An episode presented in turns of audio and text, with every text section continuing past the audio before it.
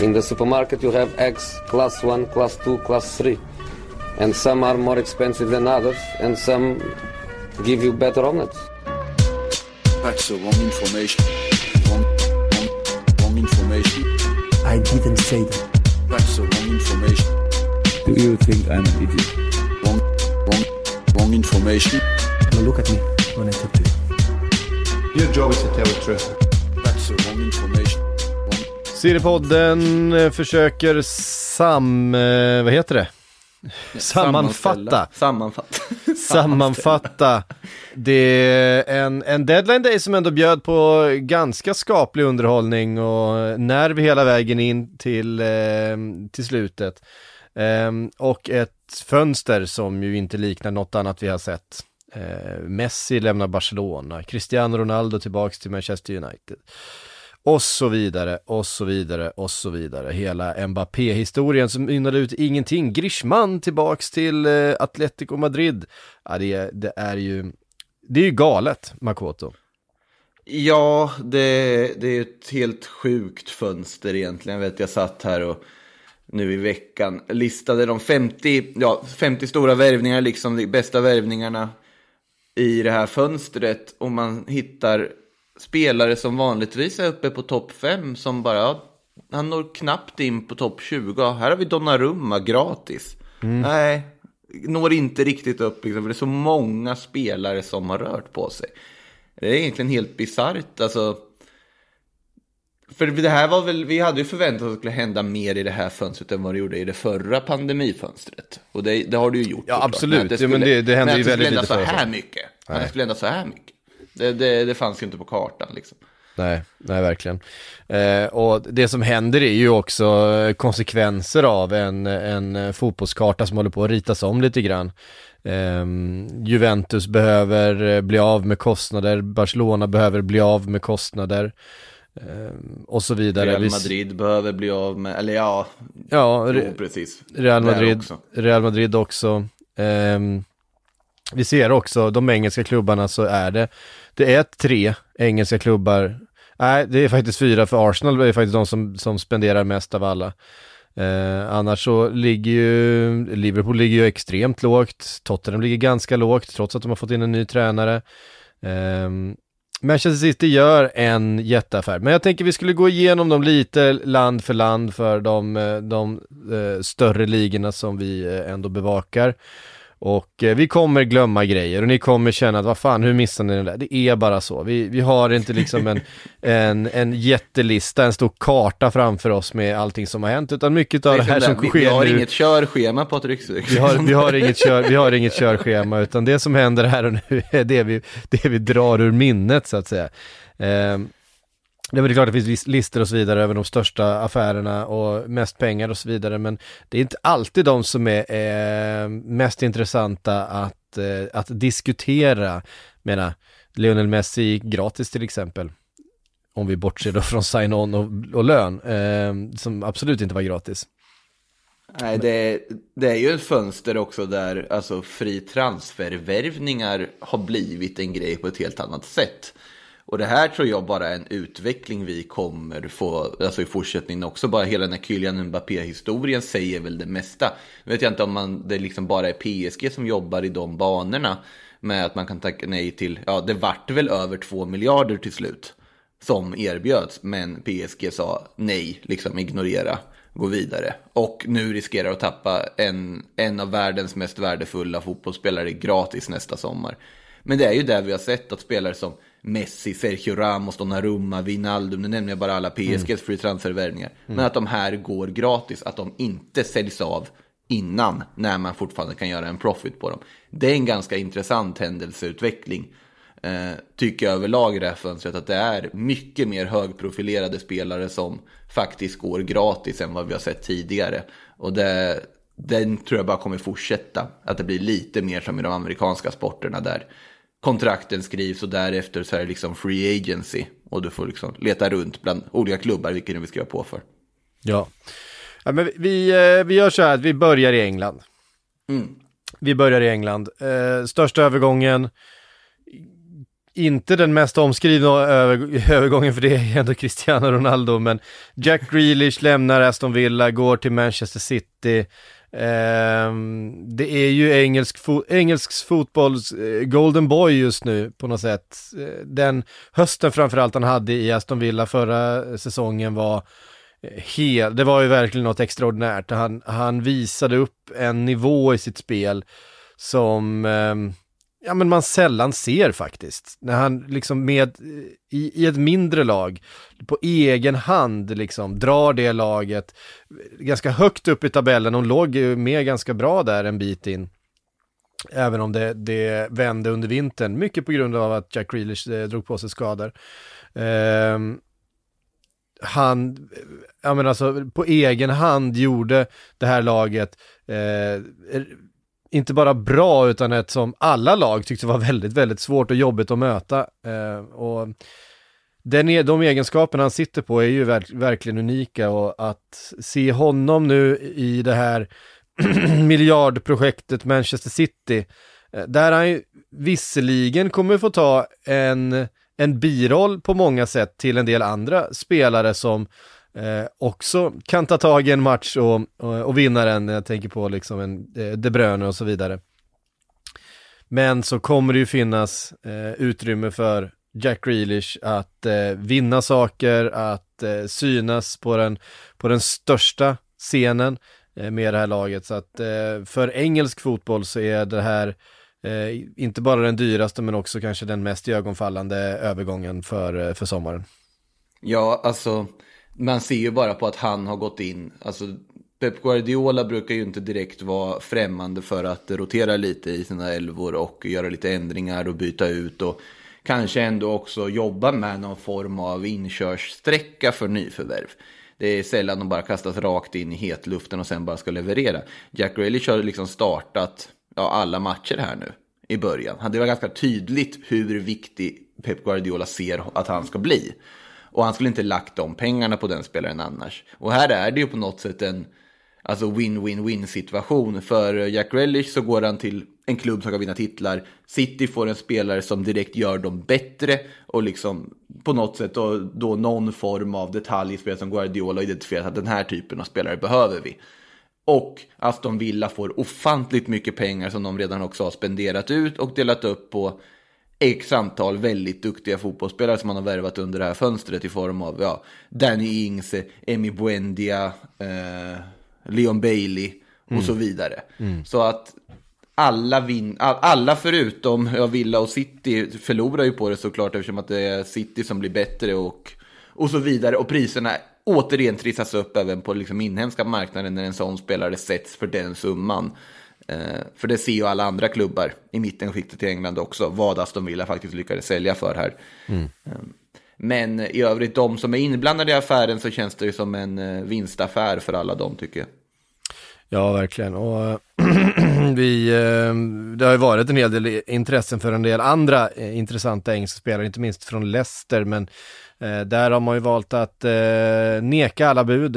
Madison bland annat har ju varit het, både Arsenal och, och andra har eh, varit intresserade. Eh, Juri Thielemans har det funnits eh, starkt intresse från bland annat Liverpool, då har man också eh, avvisat alla, alla sådana eh, inviter, så Ehm, ja, men det har funnits, det, det finns ju också den aspekten att, att klubbar i England har råd att tacka nej.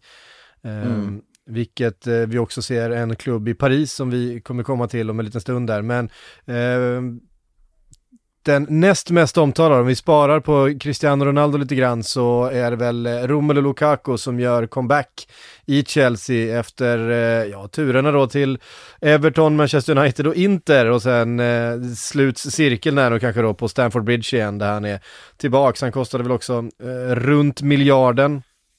Ja, det var inte många kronor färre än vad uh, Grealish kostade om vi säger så. Nej, det var väl ungefär eh, något motsvarande och eh, såklart en superetablerad superanfallare, en av de absolut bästa i Europa. Eh, det här var vad eh, Chelsea eh, såg som sitt största behov inför den här sommaren och man var först på jakt efter Erling Braut Haaland. Blev ingenting av den. Dortmund hade också råd att tacka nej. Efter att ha sålt Jadon Sancho, vi kommer till Manchester United om en liten stund, allt hänger ihop. Det gör det ju. Ehm, men Romelu Lukaku till eh, Chelsea och eh, det var det. Eh, den stora, visst man försökte få in eh, Koundé, Saul kom ju då på slutet också till Chelsea, Mm. men, men Lukaku är ju den, den stora game changern för Chelsea den här sommaren.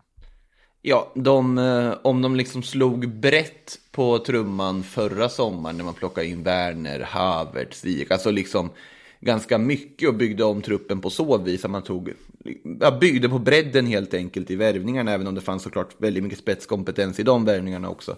Så har man ju här bara identifierat ett problem, alltså behandlat det här problemet rakt av med att värva en av de absolut bästa spelarna du skulle kunna ta in på den positionen.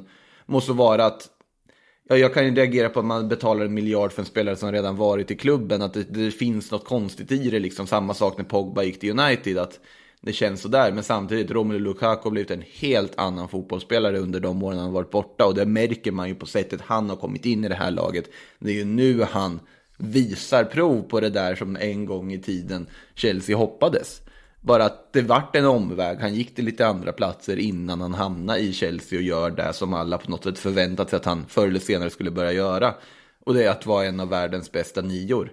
Eh, har ju kommit in fantastiskt bra och fantastiskt snabbt i det här laget också. Det, det lilla man har sett hittills båda ju ofantligt gott för Chelseas del inför fortsättningen. Och det sjuka är att de ändå på något sätt gör nettovinst på det här fönstret. Ja. För att de har lyckats sälja av 23 mittbackar från egna leden som de hade liggande.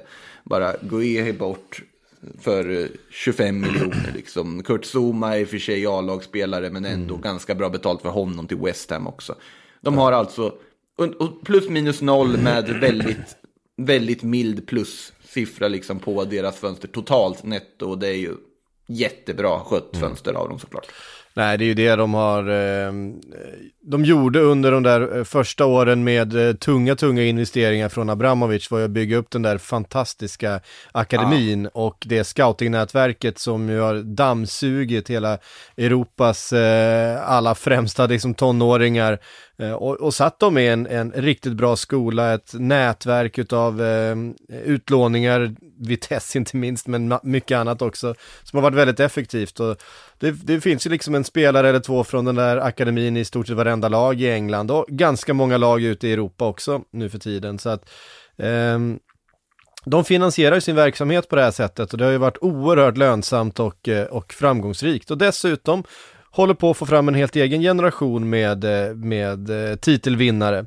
I, eller håller på, det har man redan fått, med liksom Mason Mount eh, i spetsen. Eh, man får liksom kasta in eh, liksom Hudson och Doy och så vidare i det gänget också, men, men eh, Reece James had, och, Mason Mount framförallt då är de två som gör störst avtryck just nu i, i eh, det här laget. Eh, och det är, bara, det är bara att lyfta på hatten, så att säga. En liten bit därifrån, eh, Arsenal värvade tungt.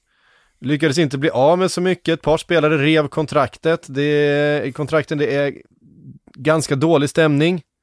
Eh, inledningen på säsongen har varit brutalt dålig, noll gjorda mål, sist i ligan. Granit Xhaka vägrar vaccin. Alltså det är, can't make this shit up alltså. Det är, eh, Ja. det, det är vad det är. Nej men eh, Granit Xhaka då avstängd såklart efter det, det där röda kortet han drog på sig. Ehm, senast. Nej men man har köpt in eh, Ben White, eh, framför allt då.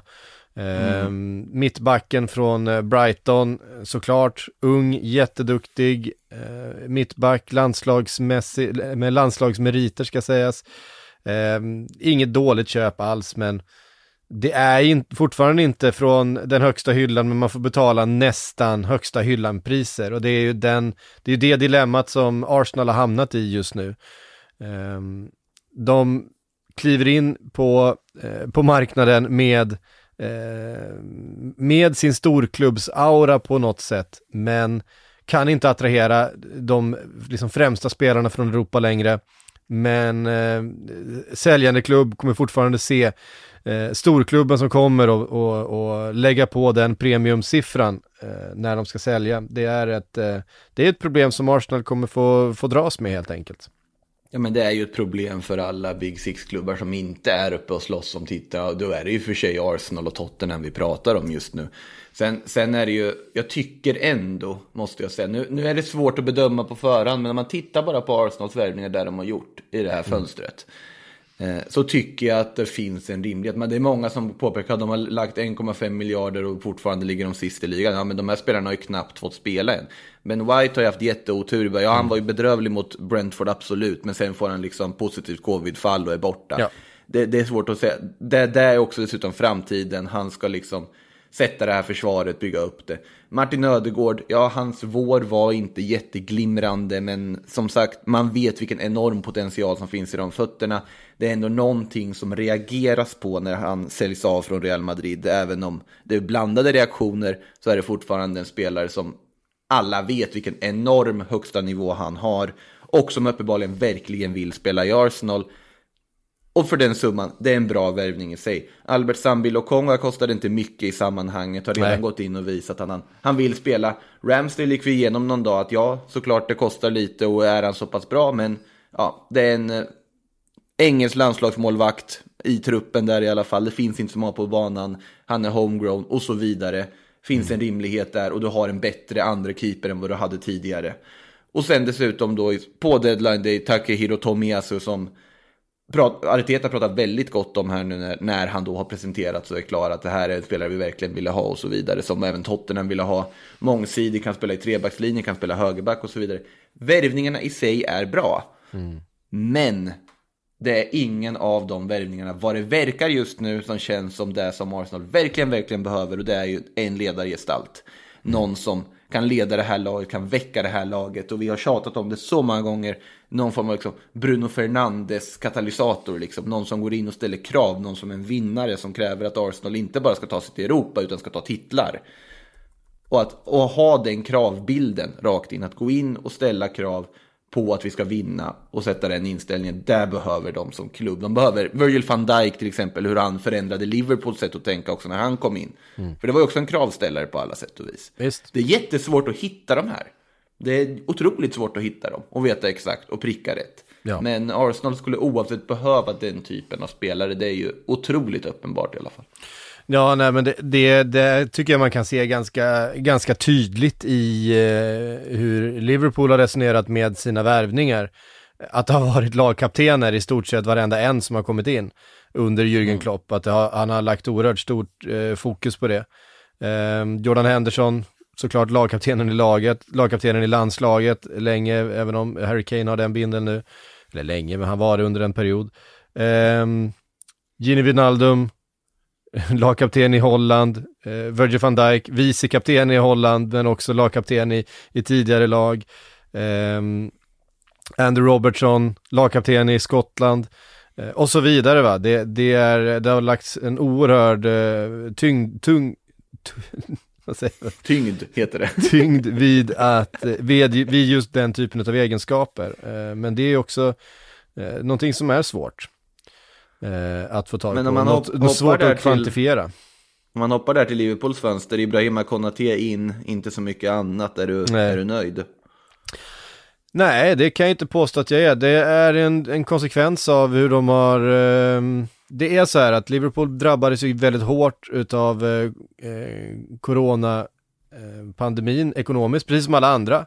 Eh, drabbades man väldigt hårt. Det är ju dessutom så att Liverpool har en av de absolut högsta löne eh, posterna i ligan, ja i Europa. De har faktiskt en väldigt hög lönekostnad eh, varje, varje år. Eh, det är höga löner på de här spelarna. Vilket gör att vissa av de här lönerna behöver liksom eh, försvinna. Man kan inte fortsätta bara ösa in höga löner. Det finns också en homegrown problematik som just nu gör att Liverpool faktiskt bara har, har registrerat 24 spelare till Premier League av de 25 man får ta. För det, eh, det, eh, det fanns helt enkelt inte utrymme eh, med homegrown-regler. Så hade de värvat någon så hade de inte kunnat, ja då hade, de, då hade någon av dem icke-engelska spelarna eller icke-homegrown-spelarna inte fått registreras. Eh, men ändå vara kvar i klubben, det, vilket är någonting som jag vet att Jürgen Klopp absolut inte eh, kommer acceptera. Han, det är inte så han, han vill ha det. Nu lyckades man ju sälja Shakiri Eh, man lyckades sälja eh, Grujic, eh, Grujic är en spelare som inte har varit registrerad för Premier League eh, överhuvudtaget. Är han helt såld nu? Eh, nu är han helt såld. Okej. Fall det är en, en eh, lån med köpobligation, men eh, han är såld i alla fall. Han kommer inte spela mer för Liverpool. Ja, mer och mer. han inte spelat så Han mycket. dyker, han, han dyker nog upp på någon International Champions Cup om två år ska du se. Fortfarande Ja, kvar, jag tror- jag tror- lite där uppe på något jag, sätt. jag, tror att han är, jag tror att han är borta nu. Jag tror inte att det är en köpoption, utan jag tror att det är bara en eh, teknikalitet, alltså en, en, en administrativ eh, lösning. Han är, han är Ja. de facto såld till Portugal. Eh, men det finns helt enkelt inte utrymme, så att hade Liverpool värvat något hade det varit tvunget att vara homegrown i England och där tittade man ju runt lite grann och eh, kände att eh, det fanns en del intressanta, Jared Bowen tittade man på bland annat från West Ham, West Ham var inte intresserade av att sälja, eh, Liverpool tyckte att budet, eller pengarna som hade krävts då absolut inte var värdare. Eh, man tittade på eh, Ismail Azar kollar man väl på hela tiden eller? ja, Ismail Azar, men han är då inte homegrown. Eh, jag tror att Nej just det, det är han ju såklart inte. Ismail Azar, Jeremy Doku, det var ett gäng sådana spelare som man tittade på och det här var nog under förutsättning att man lyckas sälja någon spelare till, typ Divock Origi. Eh, nu lyckades man inte med det. Ehm, och man ville inte liksom då sätta Origi på läktaren i eh, fyra månader, eh, liksom oregistrerad eh, från Premier League, utan ehm, det blev helt enkelt inte mer än så. Ehm, det fanns, eh, och det, det var ju någonting som vi var eh, inne på att det, det, det var ett problem för Liverpool det här med, med homegrown just nu och eh, den jättehöga löneposten som, som de redan sitter på. Och det Men har gjort att, Mm. att ägarna inte vill riskera att dra på sig ehm, utgifter som man känner att man inte har backning för, betala överpriser för spelare, utan då hamnar vi igen i en sån här situation där man tar en, en risk, precis som eh, förra säsongen. Det gick ju inte jättebra, när man då inte ersatte Lovren med en ny eh, försvarare, utan eh, tänkte att man skulle gå runt och på de tre befintliga plus Fabinho, sen så går alla tre sönder. Kvar var bara Fabinho som egentligen är mittfältare. Eh, nu finns ju risken att vi hamnar i samma situation här på- på, mittfältet och faktiskt i anfallet också. Ehm, Jag skulle vara mer orolig för anfallet än mittfältet, alltså med tanke på att ändå Harvey Elliott har kommit in och gjort det bra. Du har Curtis Jones, Milner, Kane. Det finns mycket liksom sparkapital som kan användas till i den här truppen på mittfältet. Anfallet däremot, ja, vad finns? Ja, Minamino är ju tillbaka, absolut. Och Origes. Tycker truppen ser bra ut. Jag kan ändå förstå varför Liverpool inte var så aktiva som de ändå var. Och sen blickar lite mot vad som händer nästa sommar istället. Och möjligtvis då kanske gör någonting på vintern ifall det skulle krävas. Men det känns just nu som att de ändå sitter ganska bra i läget de är. Ja, jag tror också att, jag tror också att Jürgen Klopp är rätt nöjd med truppen, men, men eh, risken finns verkligen att eh, det blir ett par skador i, i anfallet. Nu har vi sett redan, eh, Firmino fick ju kliva av skadad sista matchen här. Ja, vi får se vad som händer där. Vi går vidare till eh, Manchester United. Där har det De har hänt... också bra trupp. Det också bra trupp, verkligen. Eh, där har det hänt eh, väldigt mycket. Eh, vi får börja med Cristiano Ronaldo, eh, en övergång som ju har rört upp känslor eh, på både det ena och det andra hållet. Eh, vi förstod, jag har förstått att eh, Sir Alex Ferguson varit eh, väldigt instrumentell i eh, den här värvningen. Hela sagan med att Manchester City först hade lagt ett bud och fått det accepterat vad vi förstår. Eh, Före Manchester United eh, klev in i bilden och Cristiano själv eh, valde att eh, gå tillbaka till sin gamla klubb då. Efter eh, ja, kontakt med Sir Alex Ferguson, med eh, Rio Ferdinand, med eh, Eden van der Sar och ja, med flera, eh, antagligen med Ole själv då, så de spelade ju faktiskt också tillsammans under en eh, kort period. Så Ja. att, eh, ja, men känslomässigt väldigt eh, starkt då på många sätt för Manchester United-supportrar. Men också kontroversiellt såklart med tanke på den, eh, den historien som eh, eh, Ronaldo har och det eh, anklagelserna från eh, Mayorga i, i Las Vegas, eh, hela det här förfarandet med delgivningsmän som sökte honom i Italien, hur han gömdes för dem, Juventus ställer in, ställer in USA-turné för att eh, han då inte ska behöva ställas till svars för saker som han är anklagad för. Ehm, och saker han faktiskt har erkänt också i, eh, i olika mejlväxlingar. Det är eh, inte okontroversiellt förstås. Det är eh, också svårt tror jag för väldigt många supportrar som känner alltså den nostalgiska liksom eh, härliga varma känslan i, eh, i bröstet men samtidigt den eh, lite oroliga känslan i magen liksom samtidigt här och det eh, så kommer det ju vara och det är ju så det är med Cristiano Ronaldo. Han är ju båda de här sakerna samtidigt. Det kommer ju med ett helt paket så att säga så att eh, I det här fallet så är det ju på något sätt också Alltså den Cristiano Ronaldo som lämnade Manchester United och den Cristiano Ronaldo som kommer tillbaka till Manchester United är ju inte samma sak. Om man bara tittar rent fotbollsmässigt är en, en spelare som har ett helt annat CV, som har såklart också en helt annan ålder eh, och en helt annan livslängd på så sätt. Men det är också en spelare som på något sätt alltså bränt väldigt mycket av liksom, alltså det som skulle, alltså Ole Gunnar Solskjaer beskrev honom som en bra person också.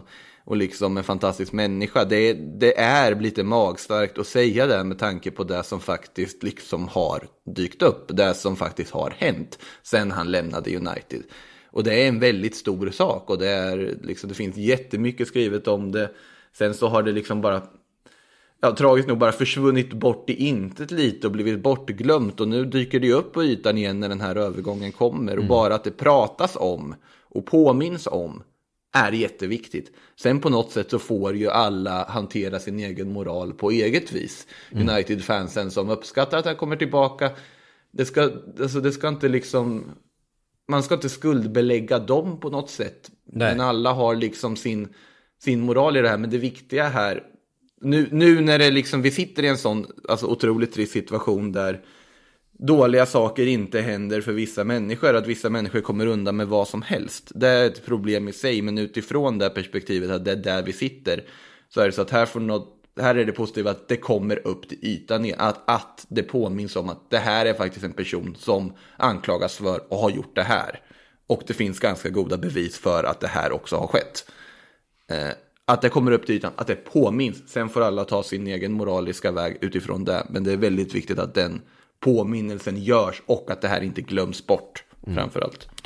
Nej, men alltså det är ju precis som det är med, eh, det, det, är ju, det är ju, som supporter så vill man ju kunna dyka, bara hänge sig, vara 100% eh, liksom åt ett håll med ett lag och med alla dess, det lagets spelare.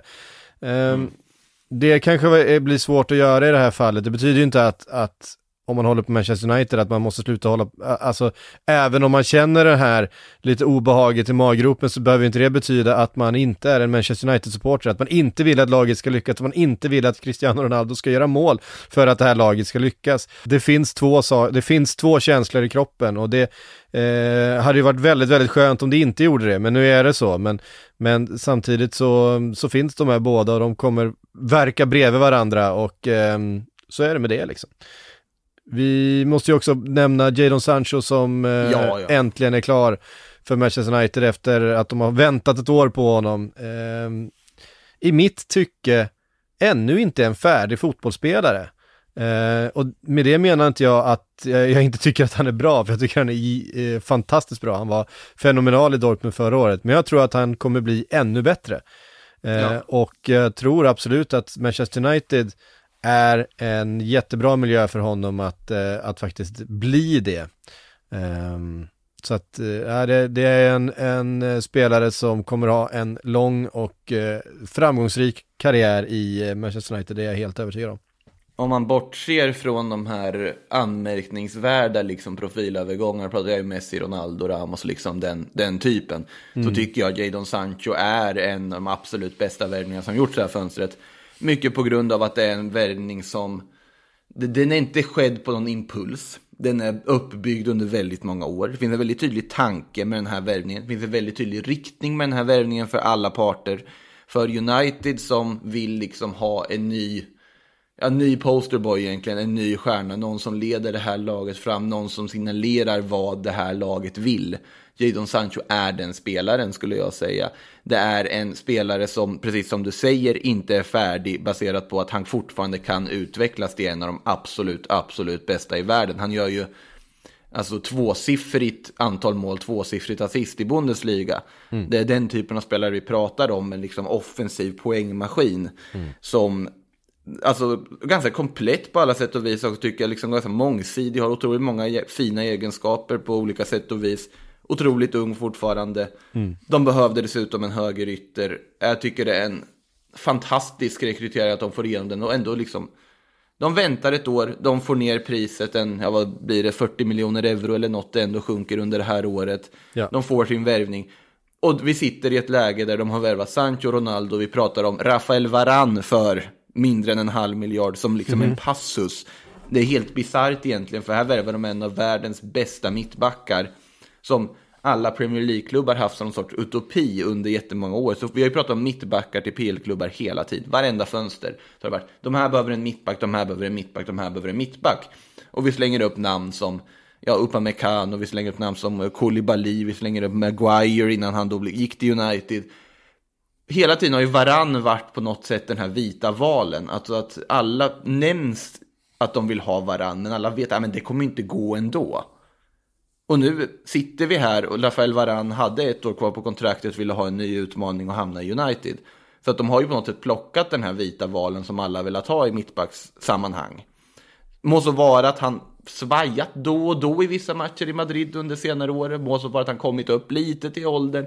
Men fortfarande, en, som han visade också i sin första match från start, en fruktansvärt bra försvarare. Så att även om alla United-fans vill ha en defensiv mittfältare in på ett eller annat sätt och man ser det som fortfarande en bristvara i laget så, så går det ju inte att säga att de inte har gjort ett fantastiskt fönster på alla sätt och vis. Även om Ronaldo-värvningen var oerhört impulsiv var i alla fall känslan att de tog chansen när den dök upp eller kunde helt enkelt säga nej till chansen när den dök upp. Nej. Tottenham har gjort eh, ganska mycket business eh, den här sommaren. Det har släppts en eh, hel del spelare. Eh, Moussa Sissoko till, eh, till Watford eh, gjorde, sin, gjorde, gjorde han sin debut mot just eh, Spurs. Det gjorde han. Det, han var Otroligt eh, baseball-kompatibel debut. Joe Hart har lämnat, eh, Alderweireld har lämnat, Lamela har lämnat, Juan Foyt har lämnat och så vidare och sen ett gäng eh, spelare på lån då, Troy Parrott, eh, roliga namnet, Serge Aurier lyckades, lyckades riva sitt kontrakt till slut. Ehm, och så vidare och så vidare och in har då istället eh, Golini från Atalanta kommit, väldigt väldigt spännande. Eh, Christian, Christian Romero från Atalanta, också mycket, väldigt spännande. Eh, Brian Gill eh, kan du sä säkert säga mer om. Ja, Eh, alltså det är ju, jag tycker det är en fantastisk värvning. Ja. Eh, nu ska jag säga att Lamela, det där är också en sån här, alla parter vinner i det. Alltså att Sevilla skulle göra sig av med Brian Schill förr eller senare fattar man. Han har ju knappt spelat för Sevilla, utan det var ju Eibar förra säsongen på lån, han var strålande. En eh, liksom framtidsman, Tottenham plockar honom för Lamela plus lite cash. Och jag tycker det är en strålande lösning för dem, även om den framtidsspelaren kommer inte gå in och leverera idag. Men ge honom något år eller två. Se till att han får sina matcher, sina inhopp, sin speltid i kupper och så vidare. Och liksom, ja, låt honom frodas på något sätt. Låt honom utvecklas. Så finns det otroligt mycket fotboll i de där fötterna. Sen, jag tycker de har gjort ett jättebra fönster, Tottenham, måste jag säga. Eh, Paratici tycker jag har, när han har klivit in i sportchefsrollen, visat att de verkligen behövde en sån sportchef som tittar på lite andra marknader än vad kanske Tottenham vanligtvis brukar göra. Som har superkoll på italienska marknaden och dessutom revanschsugen efter sitt haveri i Juventus. Så Han får in Christian Romero som var en av Serios absolut bästa backar i en lån, så här klassisk italiensk låneaffär med köpoption också. Eh, Emerson Royal som för några månader sedan Barcelona sa var en väldigt viktig del i deras liksom, nya satsning här. Han såldes av för att Barcelona ville få in pengar i slutändan. Eh, och de får en, som, en spelare som var med absolut bästa högerbackarna i La Liga förra säsongen som kommer passa perfekt i Nunos system. Golini som du nämnde, superalternativ på bänken till Joris som ändå har lite skadeproblem och så vidare. Eh, jag tycker de har gjort ett eh, strålande fönster måste jag säga. Mm. Vi får skumma lite igenom eh, övriga lagar också. West Ham väntade länge på Kurt Zuma, till slut blev det klart.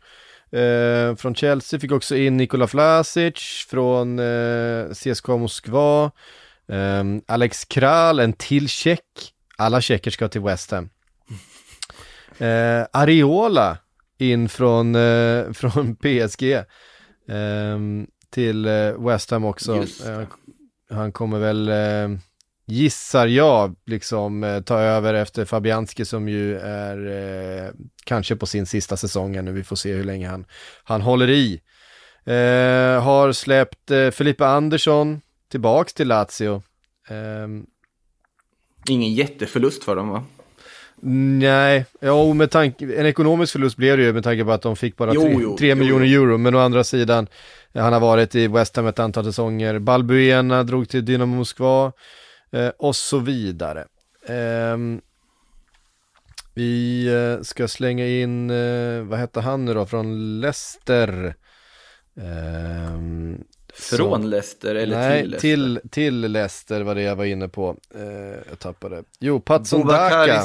Ah, Patson Daka var det jag var inne på. Det är ju en spelare jag ser fram emot jättemycket eh, att se den här säsongen. Han har inte fått eh, så mycket speltid ändå, men 22 år gammal, har ju öst in mål för eh, Salzburg, gjort ett mål per match ungefär som han har spelat så, eh, under förra säsongen. Eh, så att det finns en, en riktigt brutal målskytt i eh, Patson Daka. Det, det är kanske precis vad, vad Leicester behöver. Man har ju dessutom såklart Jamie Vardy och Iheanacho där.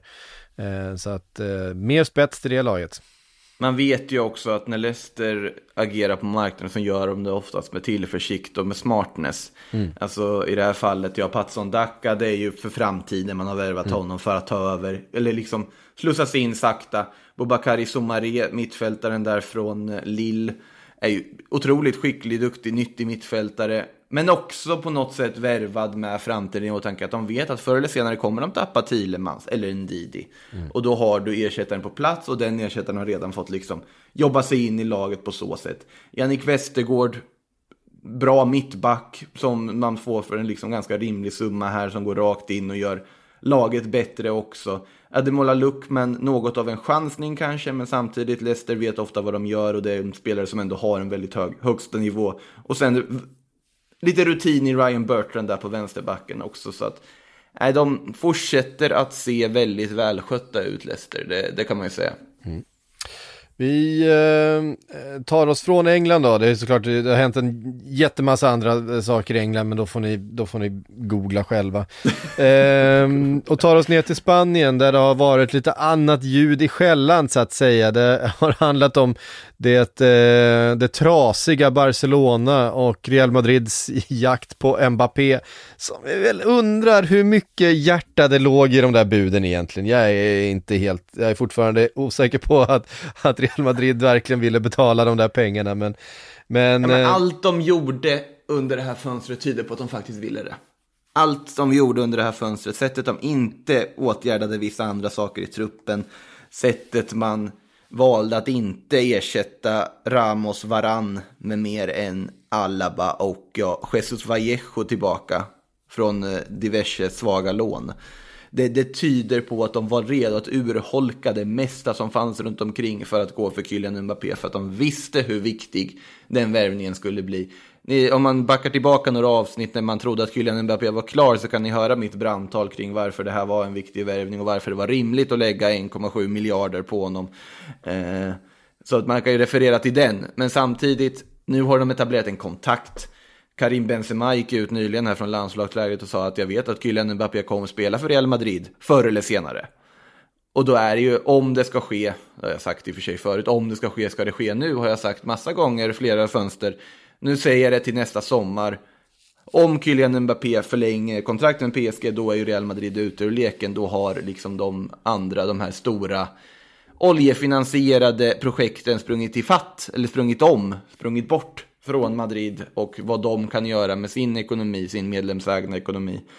Eh, men om man inte skriver på så tror jag att han kommer skriva på för Real Madrid när läget ges. Så de kommer ju så fort det blir nyår och alla skriker gott nytt år kommer Florentino Perez bara springa från sin nyårsfest rakt i telefonen för att ringa Kylian Mbappé.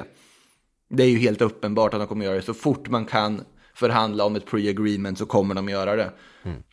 Och den historien kommer vi föra mycket om fortfarande, även fast det inte blev något ja. konkret. Eh, så, och sen nu att man plockar också Eduardo Camavinga lite bara på uppstuds där på slutet. Både en värvning för framtiden som man är lite orolig för hur mycket speltid han verkligen kommer få. Men samtidigt också ett stort långfinger till Paris Saint-Germain som ville ha honom under hela fönstret. Eh, så den där lilla striden, stri, interna stridigheten mellan PSG och Real Madrid där på en liksom, ekonomisk nivå vi inte riktigt kan liksom, greppa i och med att vi, vi dödliga inte rör oss med de summorna, eh, den pågår. Från Real Madrid då som inte lyckades med sitt eh, sommaruppdrag till Atletico Madrid som verkligen lyckades med, med eh, vad de tog sig för den här eh, sommaren, är känslan i alla fall. Eh, inte minst Grishman tillbaks där han var bra. Ja, alltså sen tycker jag väl i och för sig att hans vår i Barcelona faktiskt var bra. Eh, jag tycker att han ändå visade vissa intentioner på att börja hitta rätt. Han är otroligt viktig i liksom pressspelet, i det defensiva, i hur han sliter. Mycket som inte syns på liksom protokollet som han gjorde bra i Barcelona. Men det sagt, såklart det var en spelare de var redo att undvara.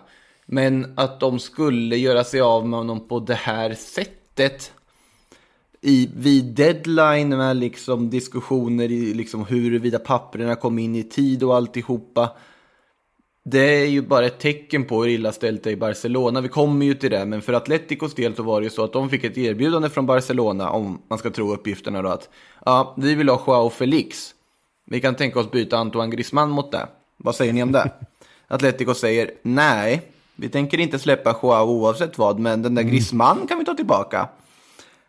Och så börjar de förhandla utan Joao Felix och det slutar med att då Griezmann går på ett lån det lånet är, har väl en hyra på en eh, 10 miljoner euro liksom.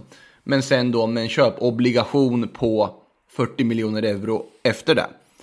Så de får alltså köpa Griezmann för en tredjedel av det pris som de sålde Griezmann för för två år sedan. Och det är bara helt fantastisk business. Sen ska sägas att här är det ju lite Cristiano Ronaldo-varning på det. På att det här var inte någonting som de hade planerat för. Det här var liksom nej. också en situation som dök upp och de inte kan säga nej till den möjligheten, vilket jag förstår. Men nu sitter de med en offensiv som har Luis Suarez, Joao Felix, Angel Correa som började säsongen jättefint, Griezmann, du har värvat in Matteus Cunha från Hertha Berlin, fantastisk värvning tycker jag. Och så har du Marcos Llorente, spelar ju forward då och då, liksom offensivt lagd nu för tiden. Efter den här underliga positionsbytet som, och fantastiska positionsbytet som Cholo Simeone genomförde med honom. Thomas Lemar är väl mittfältare i grunden nu för sig, men du, du har väldigt många alternativ du sitter mm. på. Och det blir väldigt svårt att hålla alla nöjda.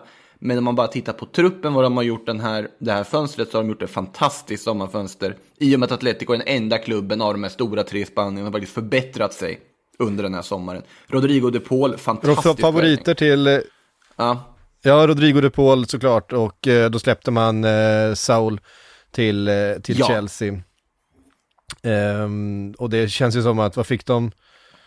Ja, det var väl, de, gick de plus på den, eh, på, det, på den switchen? Eh, nej, nej, nej, alltså De, De Paul eh, gick ju för 35 någonstans där. Ja, eh, Saul var väl ett lån där som liksom på typ 5 miljoner i hyra eller någonting. Så där går de ju inte plus på så vis. Nej. Jag tror att Atletico spenderar ju mer än vad de har, har sålt för. Folk får rätta mig på Twitter om jag har fel här. Eh, de kan ju ha sålt någon. De har ju lånat ut lite ynglingar och sånt där också. Men i Nej, grund... de har, inte så, de har inte sålt speciellt mycket, det stämmer. Nej, men de har gjort ett väldigt bra fönster för de har lite likt Chelsea efter att ha gjort en väldigt bra säsong innan börjat peta lite på vad behöver vi förbättra. Och sen då valt att förbättra just de punkterna. Och sen kommer Griezmann som någon sorts bonus som vi vill få se exakt hur de ska använda, hur det här kommer fungera. Man är lite orolig för hur mycket speltid Joao Felix kommer få till exempel. Eh, Men det är en fantastisk trupp de sitter. Det är väl första gången man kan sitta och säga här att Atletico har den bredaste och vassaste truppen i Spanien just nu. Och får anses vara favoriter på förhand till ligatiteln. Där, för där är de just nu. Ja, det känns eh, verkligen så. Eh, det är i alla fall inte Barcelona som har haft, de har verkligen gått, de, de, de befinner sig just nu eh, nere, vad man hoppas en botten och att det är någonstans härifrån de ska ta spjärn, men känslan är att det faktiskt kommer bli värre innan det blir bättre, för de där skulderna ligger fortfarande där och hopar sig och Lönelistan är, är, trots att Messi har försvunnit, trots att, eh, att Griezmann har försvunnit och så vidare, fortfarande ganska, ganska diger. Eh, nu verkar det som att Pjanic försvinner också va? Han är officiellt klar för besiktas på ett lån. Där Barcelona betalar halva hans lön. Men samtidigt, Ja. det är pengar de blir av med för en spelare som absolut inte ens har tänkt att använda. Hela den soppan från förra sommaren, det är ju ett eget kapitel egentligen. Att Pjanic ens spelade en säsong i Barcelona är ju bisarrt, tycker jag. Men, alltså man... Jag har ju suttit här och ifrågasatt vad de sysslar med väldigt många gånger och sen var det på något sätt att när de var i ett läge där alla hade accepterat att de inte kommer värva in på deadline. Det var lite snack om att ska de ta in en extra forward? Bara för att de ändå blev av med Messi. Liksom bara ha någonting. Det snackades ju om Dani Olmo. Ja men det där budet vet jag inte vart de uppgifterna kom ifrån riktigt. För det var ju, märker ju jättekonstigt. Daniel Olmo vill till Barcelona, han kan tänka sig gå dit. Och med en rimlig summa hade det varit en rimlig rekrytering. Men inte att lägga en transfersumma på här och nu för Barcelona. Det är inte den positionen de behöver förbättra heller. De hade kunnat behövt en extra central forwardsalternativ om man inte har tänkt att spela Martin Braithwaite hela säsongen. Det fick de, men de blev av med Griezmann samtidigt. Och det var ju inte en jättespännande alternativ som kom in direkt.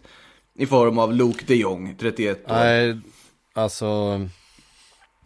Jag vet inte, han känns, han, han, eh, han känns, han, om man pratar om så här Barcelona, DNA bru- brukade vi prata om för några säsonger sedan, så, så har han inget sånt.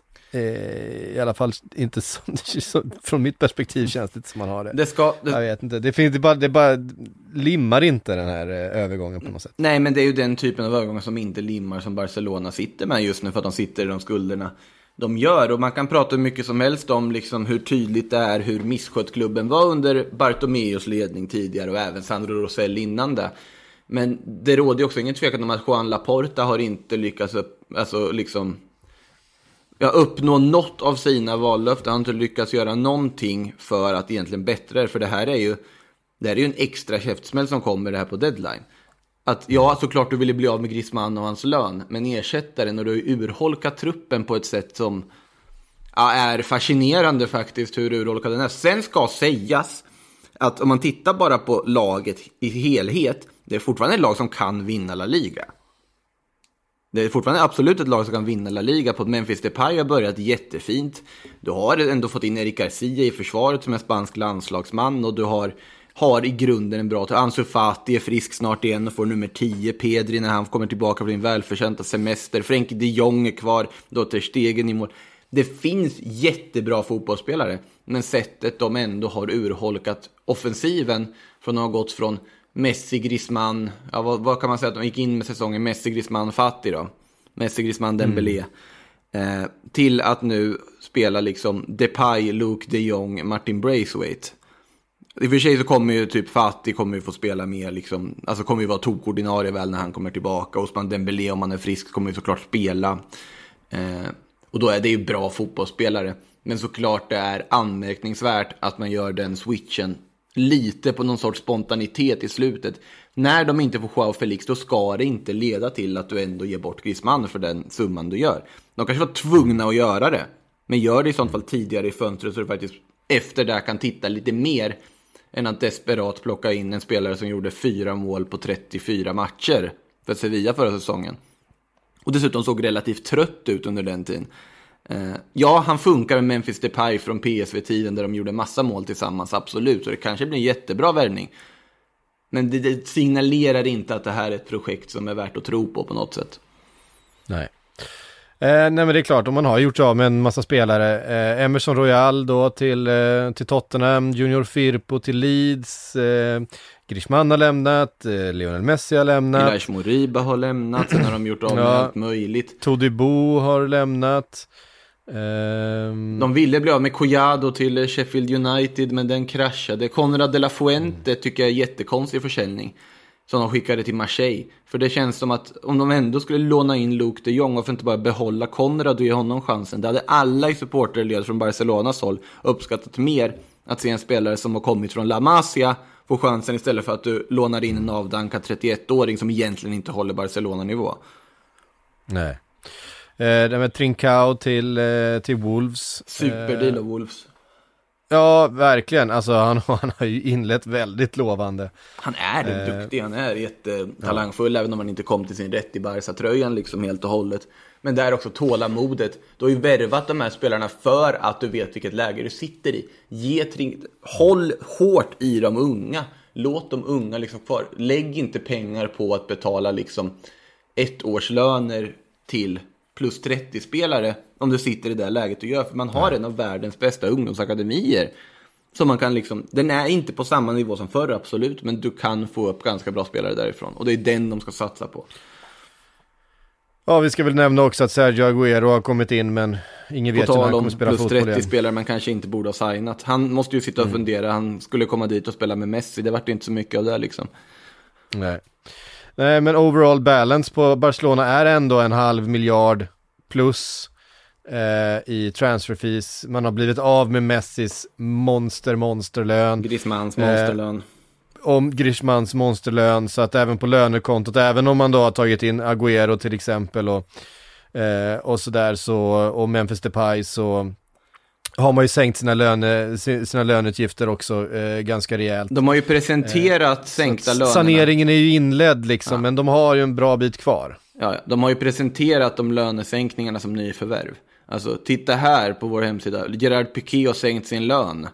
Och sen så kommer det liksom nytt. Ja, Sergio Roberto och Sergio Busquets har sänkt sin lön. Och så blir det liksom eh, nyhet av det på deras hemsida liksom. Och nu kan vi registrera Kun Agüero. Det kommer ju där på deadline i princip. Eh, det är en jättejobbig situation de sitter i. Men eh, det positiva är väl att de har Pedri, Ansu Fati och höll fast i dem. Det hade varit en lätt, eh, alltså, lätt out att bara sälja av dem för en miljard. Men då hade man ju helt grävt ner sig. Nu gjorde man ju inte det. Nu valde man att släppa Griezmann, vilket egentligen inte är ett stort tapp, förutom att affären i sig är ett fiasko.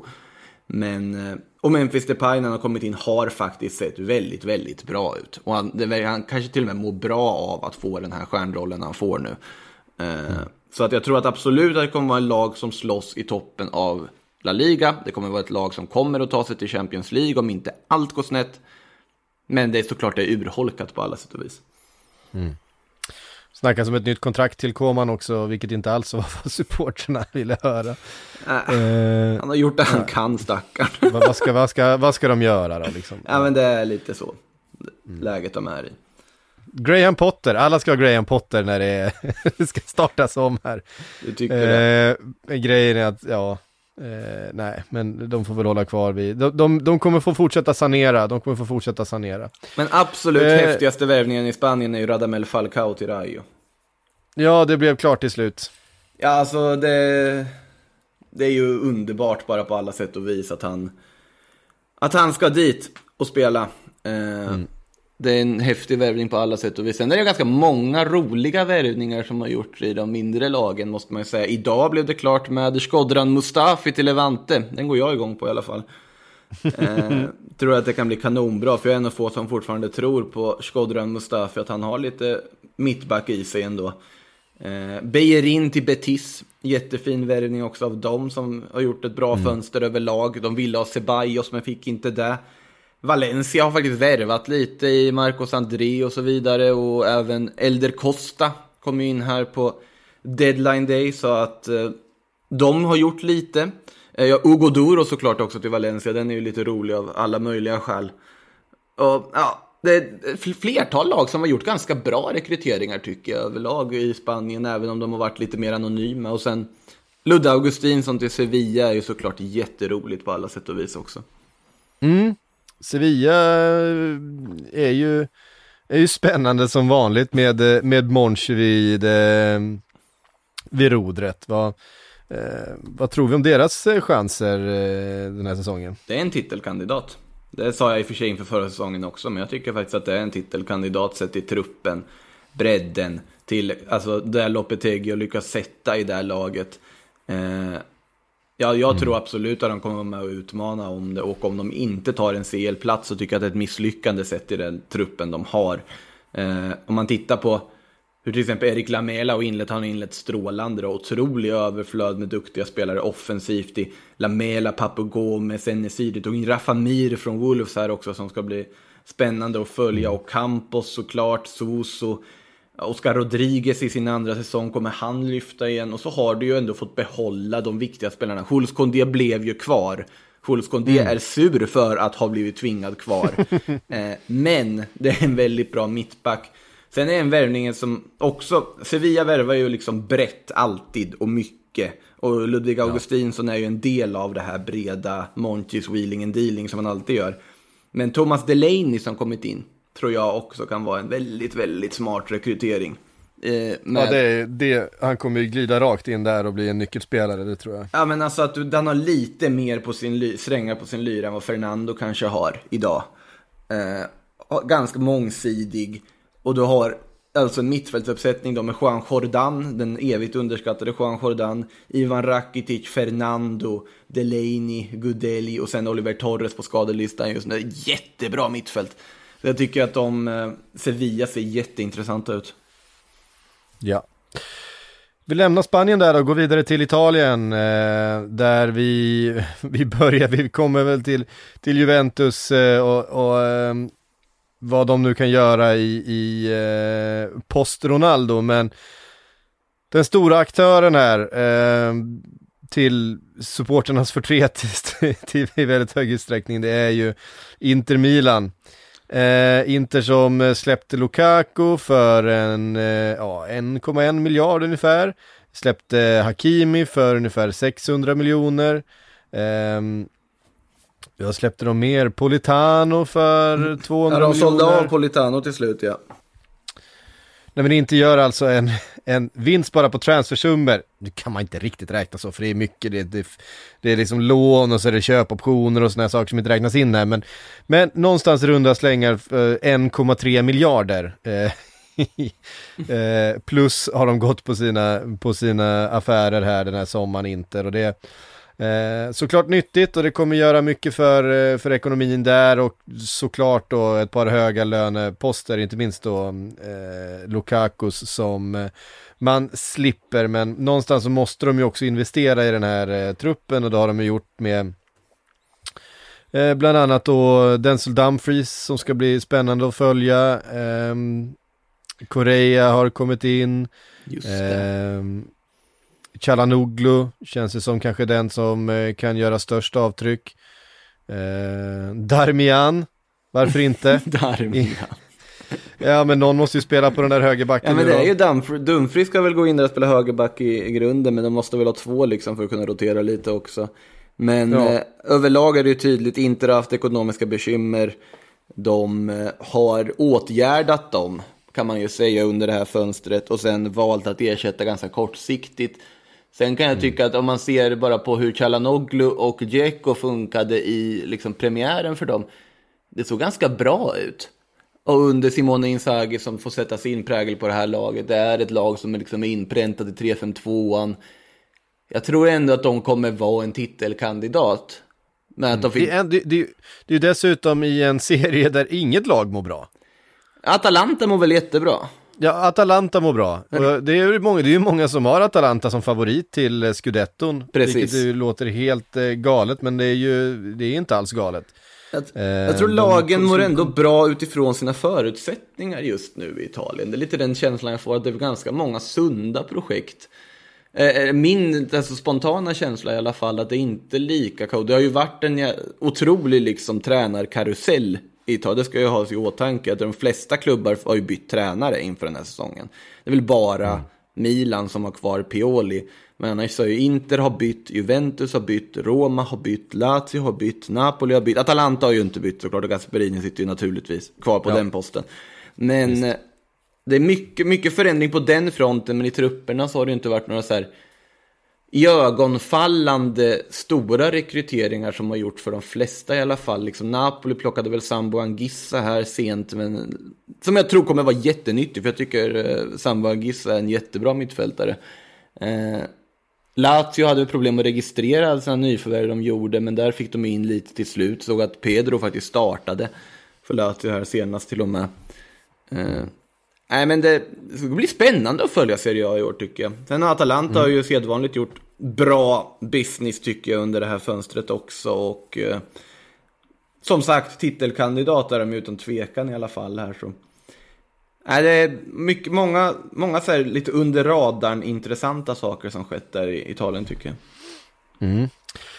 Eh, intressant också i eh, Milan då, de tappade ju Chalanoglu lite snöpligt. Eh, såklart eh, till liksom lokalkonkurrenten. Det, Fast- eh, var, Såklart, det- den, den ser ju illa ut. Men samtidigt så krävde han ju en lön som Milan ändå på något sätt rimligt inte valde att gå med på. Eh, så, sto, stora tappet för Milan den här sommaren är ju såklart eh, Donnarumma iväg Ja. på en free transfer. Men Mike Mainan som ersättare är ju strålande beslut. Att värva in honom där istället. Eh, Milan känns väl... Ja, Brahim Diaz kommer ju få ta en större roll nu i, i och med att Chalanoglu har försvunnit. Men även där så har det sett ganska pikt ut. Oliver Giroud har ju kommit in som en vice Zlatan dessutom här nu. Så. Och där vet man precis vad man får. Det är många, Serie A-klubbarna har verkligen värvat spelare där du vet precis vad du kommer få. Inter vet vad de kommer få i Dzeko och Chalanoglu. Milan vet vad de kommer få i Giroud. Och Mainan också. Så att, eh, på så sätt, de, man har varit säkra, man har liksom inte tagit några risker. Titta på Atalanta också så tycker jag att när de blev av med Romero nu så valde de att plocka in eh, Meri Demiral från Juventus istället. En väldigt duktig mittback. Bara att han inte har fått speltid så mycket i Juve på grund av att han har Chiellini, Bonucci och De Ligt framför sig. Men en väldigt, väldigt bra mittback i ung ålder. Jättesmart sätt att ersätta Romero på tycker jag i alla fall. Zappa Costa som kommer in, eh, han gjorde väl inga avtryck i Chelsea men du vet exakt vad du får. Du får en offensiv högerback som kommer springa där på sin kant. Och Coop, Coop Miners vet jag inte riktigt vad man får av kanske men fortfarande. När Atalanta tittar ungt och nederländskt så brukar de pricka ganska rätt. Ja, då har vi ja, eventuellt eh, titelfavoriten eh, Atalanta då, för eh, Juventus som ju under många år prenumererade på den eh, scudetton kanske inte kan räknas in där längre. Nu har man blivit av med, och det får vi väl ändå säga att de blev av med Cristiano Ronaldo till slut. Ja. Ehm, För det var ju, det, det var ju en, en lönepost de eh, inte riktigt kunde hantera längre. Ehm, har inte ersatt eh, med sådär jättemycket, men eh, den viktigaste värvningen den här sommaren får väl ändå vara Locatelli eh, som eh, kommer in till det här eh, mittfältet och känns som att det är en spelare som kommer göra stor nytta i många år för Juventus. Ja, jag tycker det är en strålande värvning. Och sen är det ju den här lån med köp. Obligationen, den som man jobbar så ofta nu för tiden i Juventus, som man gjorde med Chiesa bland annat också tidigare. Som man gör med Locatelli, är då en god relation till Sassuolo och lyckas få igenom den här övergången på så sätt. Fantastiskt spännande mittfältare och de behövde en riktigt bra innermittfältare tycker jag, sett till att det har varit en, en svag punkt i det här laget tidigare. Sen är de ju, ersätter Ronaldo med en blygsammare Moise Keane som kommer tillbaka efter mycket om och men och runda i Everton och en runda i PSG som i och för sig var väldigt bra också ska sägas. Det finns mycket uppsida på Moise Keane. Jag tror att han kan eh, hitta tillbaka till god form där så att och Allegri in på tränarposten igen såklart. Nu har Juventus börjat säsongen katastrofalt ur Juventus perspektiv. Men jag tror ju fortfarande att det kommer vara ett Juventus som ändå utmanar om ligatiteln. Jag har väldigt svårt att se att de ska bli helt akterseglade. Um, med det sagt, de är inte i samma sitt som de var för två år sedan. Så, så enkelt är det ju. De har inte lika bra trupp som de hade för ett tag sedan. Men det finns ändå en viss framtidstro med spelare som Chiesa, Locatelli, Kulusevski ska ju nämnas där också, även om man smått ryktades iväg där av någon konstig anledning på slutspurten. Tror inte det låg så mycket i det egentligen. Eh, Morata på topp, vet du vad du får. så, man, vet vad, man vet vad man får ja, Morata. och sen försvaret såklart, alltså Chiellini, Bonucci och De Ligt är ju fantastiskt duktiga mittbackar. Så att det finns ett lag där och Allegri borde få ordning på det även om det har börjat lite knackigt. Och sen är det ju, ja Dybala ska ju såklart nämnas. Nu kommer ju han få en helt annan frihet och en helt annan roll när Cristiano har försvunnit. Så att, ja, de blev av med Cristiano Ronaldo, så är det ju. De, Ronaldo ville därifrån, Juventus ville väl inte säga det rakt ut, men såklart de också kände att det kanske inte var den bästa rekryteringen de har gjort. Inte för det Ronaldo gjorde på plan, för det var fortfarande bra, han gjorde en massa mål och så vidare. Men för att han Ja, han liksom begränsade ju resten av truppbygget och truppen Ja, runt om laget, Ja. laget blev ju sämre Exakt. eh, av att eh, Ronaldo kom dit. Det var, ändå ett, det var ändå ett lag som hade vunnit sju eller åtta scudetto i rad, spelat semifinal och final i, i eh, Champions League. Och sen Ronaldo kom dit så har man inte vunnit någonting och Ja, har de vann en ju ligan kvartsfinal i och för som... med Ronaldo. Ja, de vann ligan först, ja, Ja. det är sant. Men ja. eh, alltså det är ju inte för, alltså jag skulle säga att det som har gjort att Ronaldo blev sämre med Ronaldo har ju inte att göra med Ronaldo, vad han gjorde på planen för det femte, det är ju vad han kostade. Det är det som Ja. liksom har handikappat dem liksom på något sätt i marknaden. De har inte kunnat värva, liksom ha den attraktionskraften och lägga de lönerna på det sättet de har tänkt. Nej men det är det jag menar, den affären har ju hindrat dem. Alltså den affären har ju varit en, Mm. En, brom, en bromskloss för dem och det Ja. har inte gett några sportsliga framgångar Nej, ehm, att, eh, att prata om. precis. Någonting om, någonting om Roma också då med Mourinho vid spakarna, värvat in Tammy Abraham för eh, stora pengar, 40 miljoner euro. Eh, för honom, en spelare som jag gillar väldigt mycket. Um, Rui Patricio har kommit in då från Wolves, det känns som att Wolves saknar honom. Eh, men ehm, Och José Sa har inte börjat jättebra va? nej, det, han, han ser, han ser okej ut på vissa, alltså han ser okej ut i 95% av matcherna men så är det den där bollen som man måste ta va? Han passar ju där dock. Det är ju lite så när han gick till Wolves att man tänkte att var inte han redan i Wolves? Nej just det, det var han ju inte. eh, han känns som någon som har varit i Wolves, bara José Sa. Eh, I alla fall. Han är inte lika bra som Rui Patricio, Nej, eh, så kan man säga. Och för att Rui, Rui Patricio är en riktigt, riktigt bra målvakt tycker jag. Eh, och eh, kommer in här och ja, det känns som att, jag vet inte, men det får lite känslan kanske att Mourinho-fotbollen ändå funkar i Italien. Det gör Ska det ju- ju. Alltså jag tror eh, det gör det. Ja, det, det är väl lite känslan man fått så här initialt i alla fall. Ska, det är ganska, ganska tunga investeringar då för, eh, för Roma eh, samtidigt som man inte har sålt någonting. Ehm, jätte, jättedyrt eh, just nu. Det är en del lån på spelare som eventuellt då kan dra in lite pengar eh, framöver. Man eh, har ju då släppt Dzeko till, eh, eh till Inter och det är en lönepost som man eh, fick att jobba lite med där. Så. Men i övrigt en ganska tung netspend sommar ändå för Roma, en miljard nästan. Alltså något av det viktigaste de kanske får, Tammy Abraham tror jag kommer göra jättemycket nytta för dem framåt. Men något av det viktigaste är att få tillbaka också Saniolo i gammalt slag igen. Han, eh, det, det är ju en fantastisk fotbollsspelare som ju hämmades av den här skadan han fick. Men sen spelare som Pellegrini, Cristante och så vidare kommer ju också lyfta under Mourinho. Det är känslan man har fått här i början i alla fall.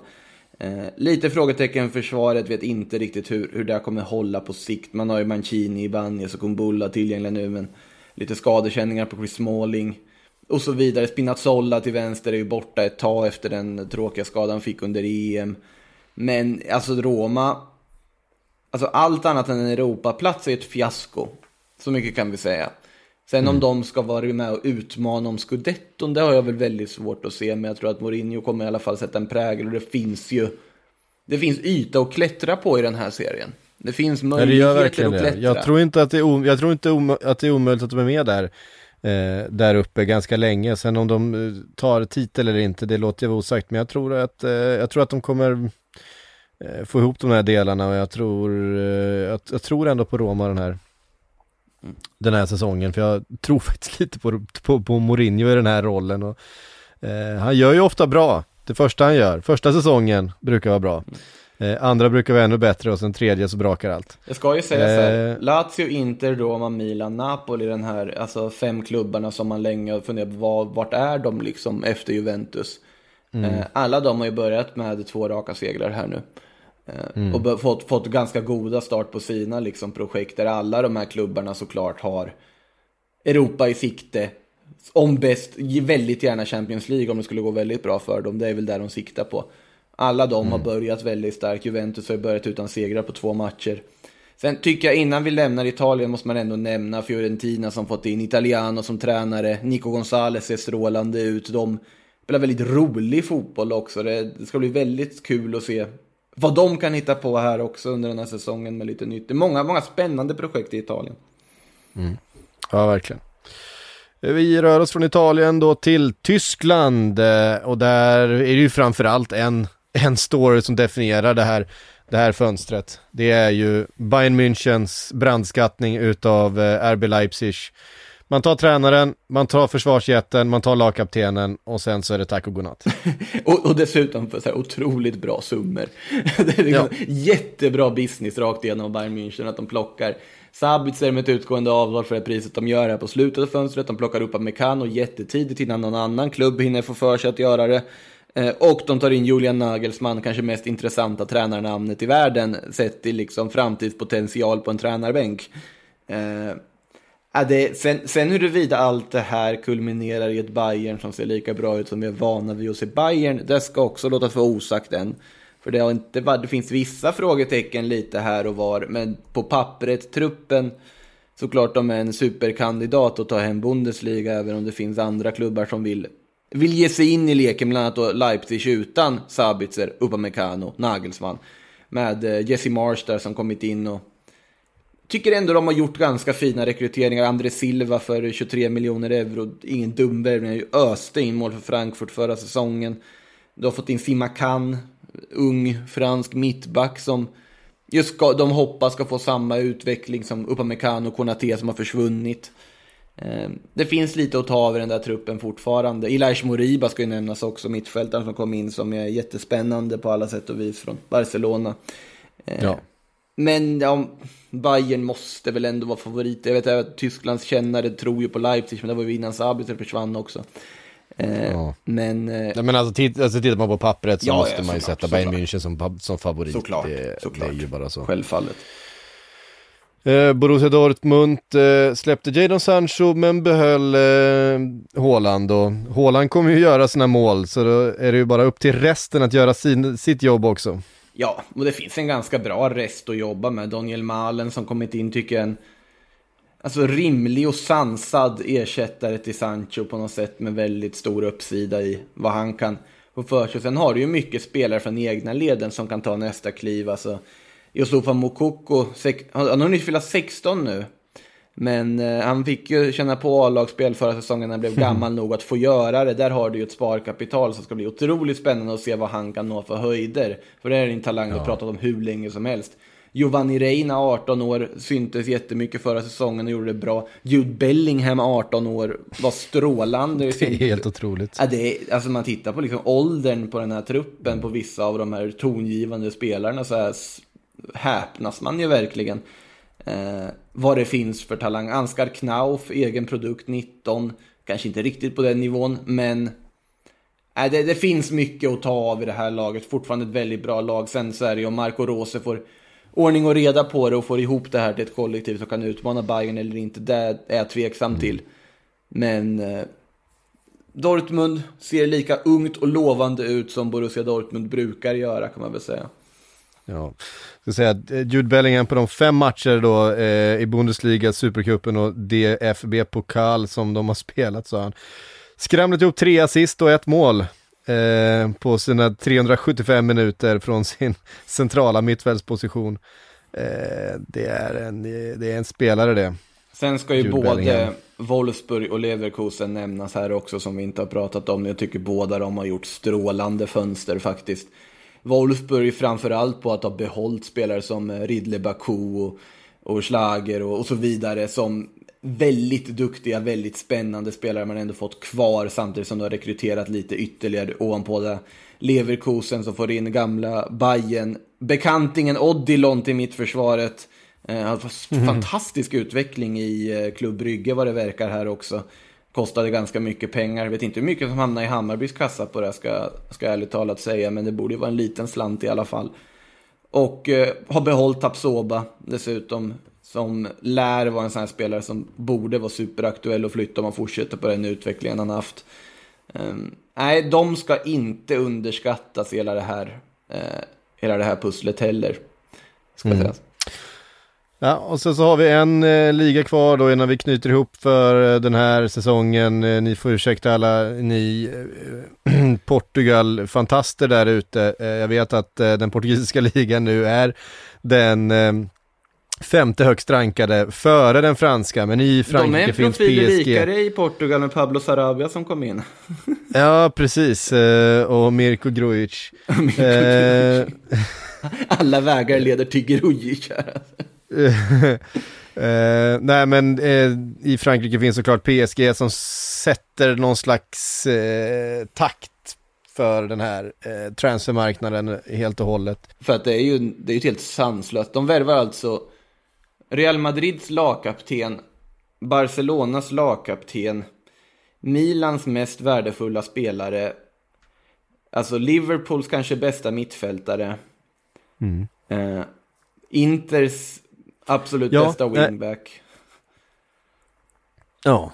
Nej, alltså de har ju de har ju dragit ihop ett ganska bra lag här. För det är klart att de fortfarande är liksom eh, vansinnigt framtunga, men men eh, jag tycker att eh, värvningen av Wijnaldum är otroligt smart utav Ja. dem. De, de behövde få in den typen utav eh, bollhållande, klok eh, spelare som tar ett stort defensivt ansvar men också har en, eh, en offensiv eh, i sig. Det, det behövdes en sån spelare eh, på, på, på det mittfältet för Verratti är Verratti och han gör sina grejer, han är skadad rätt mycket.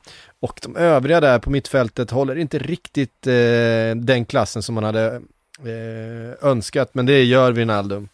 Ja, Och han kommer ta ett, ett stort ansvar där på, på mittfältet som gör att det blir lite mer lekstuga då för eh, Neymar, Mbappé och Messi längst fram. Det är knappt man liksom eh, tror sig själv när man, när man eh, hör orden sägas. Men Neymar, Messi och Mbappé tillsammans alltså. och Angel Di Maria. Och sen Angel Di Maria där ute. Eh, Icardi Icar- finns Julian där fortfarande. Draxler. Julian Draxler. Han blir inte, det blir inte många minuter för Det Draxler. är den sjuka att det blir ju det, för att det ska ju, det ska ju vara födelsedagsfester och sånt i vår, vet du. Ja, det är ju, för, det är ju konstant födelsedag, det har vi ju eh, konstaterat för, för PSG-spelarna. Det- De fyller alltid år. Ja, Eh, sen det är är- alltid fest. Sen är det ju så att om de går runt och fyller år för mycket, ja då, då finns det ju såklart en risk att det, det kommer liksom bita, bita dem för att Lill är regerande mästare. Lill har i och för sig också tappat Galtier och haft fullkomlig kris och ser inte alls riktigt ut att vara i det slag som de var förra säsongen. Ehm, Även om de får behålla en hel del så är det ganska mycket spelare som de också tappat. Det, är det, jag har svårt att se dem vara nära att utmana på samma sätt. Lyon har gjort ett ganska bra fönster lite i skymundan. Jerome Boateng, Shakiri in det. Spelare som vet hur man vinner saker, spelare som har rutin, spelare som fortfarande har ganska bra kvalitet också. Eh, Marseille är ju konstant kaos och nu med liksom San Pauli Ja, på tränarbänken. Ja, det kan ju hända vad som Nej, helst. det är ju det kan ju hända precis kaos. vad som helst. Eh, nej, det blir... Eh, Men alltså så här, det- det är liksom så här, visst, visst eh, Lyon har, eh, har gjort ett bra fönster, men de har liksom tagit in Shakiri och Emerson liksom. Det är inte riktigt på nivå med, med, med eh, Messi och, och Donnarumma och så vidare. Nej, nej, alltså, men det, det, det är ett fullkomligt haveri på alla sätt och vis om PSG inte skulle vinna den här titeln och göra det med stort avstånd till alla andra. Om man tittar på början nu, liksom, det är inte som att de här lagen jag nämnde här direkt har visat några intentioner på att haka på. Liksom. Lyon och Lille har ju båda börjat liksom, lite halvknackigt. Marseille har i och för sig börjat ganska starkt, men eh, alltså PSG, utan att ens spela Messi, Mbappé, Neymar särskilt mycket så har de ju fyra segrar på fyra matcher. de kommer ju inte kunna släppa ligan ännu en säsong. Så Nej, det nej, nej. finns inte att de inte vinner den här ligatiteln. Ja, men de ska ju jogga hem den här ligan med liksom ett B-lag och sen så ska de eh, lägga allt krut på att vinna den här Champions League-bucklan. Vilket jag inte alls är säker på att de gör. Jag, Nej, inte jag jag heller. inte. Inte jag heller. Eh, jag tycker det det är inte, de är inte uppenbara favoriter för mig. Vilka har du tippat men, eh, vinner Champions League? Jag tror att det är dags för Manchester City. Sjuka nog att jag känner samma sak. Jag tror att det är det. Mm. Eh, jag trodde att de skulle få in, jag trodde dock att de skulle få in en nia, jag trodde ju att det skulle bli Harry Kane. Och med Harry Kane i det laget, just med tanke på att han har liksom lagt till den dimensionen i sitt spel, där han kan droppa ner och han kan vara spelfördelande, något som Pep verkligen gillar och med, eh, jag menar alltså Ferran Torres och ehm, Jack Grealish in och så vidare, då hade, då hade jag sett dem som, som tydliga favoriter faktiskt, för då ser jag att det laget är helt komplett.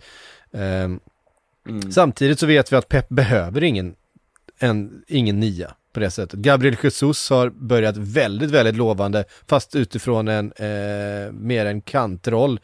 Eh, där han har kunnat komma in och Ferran Torres har spelat som en, som en nia mer eller mindre, inte så mycket falsk egentligen. Eh, men såklart ingen, ingen target på något sätt.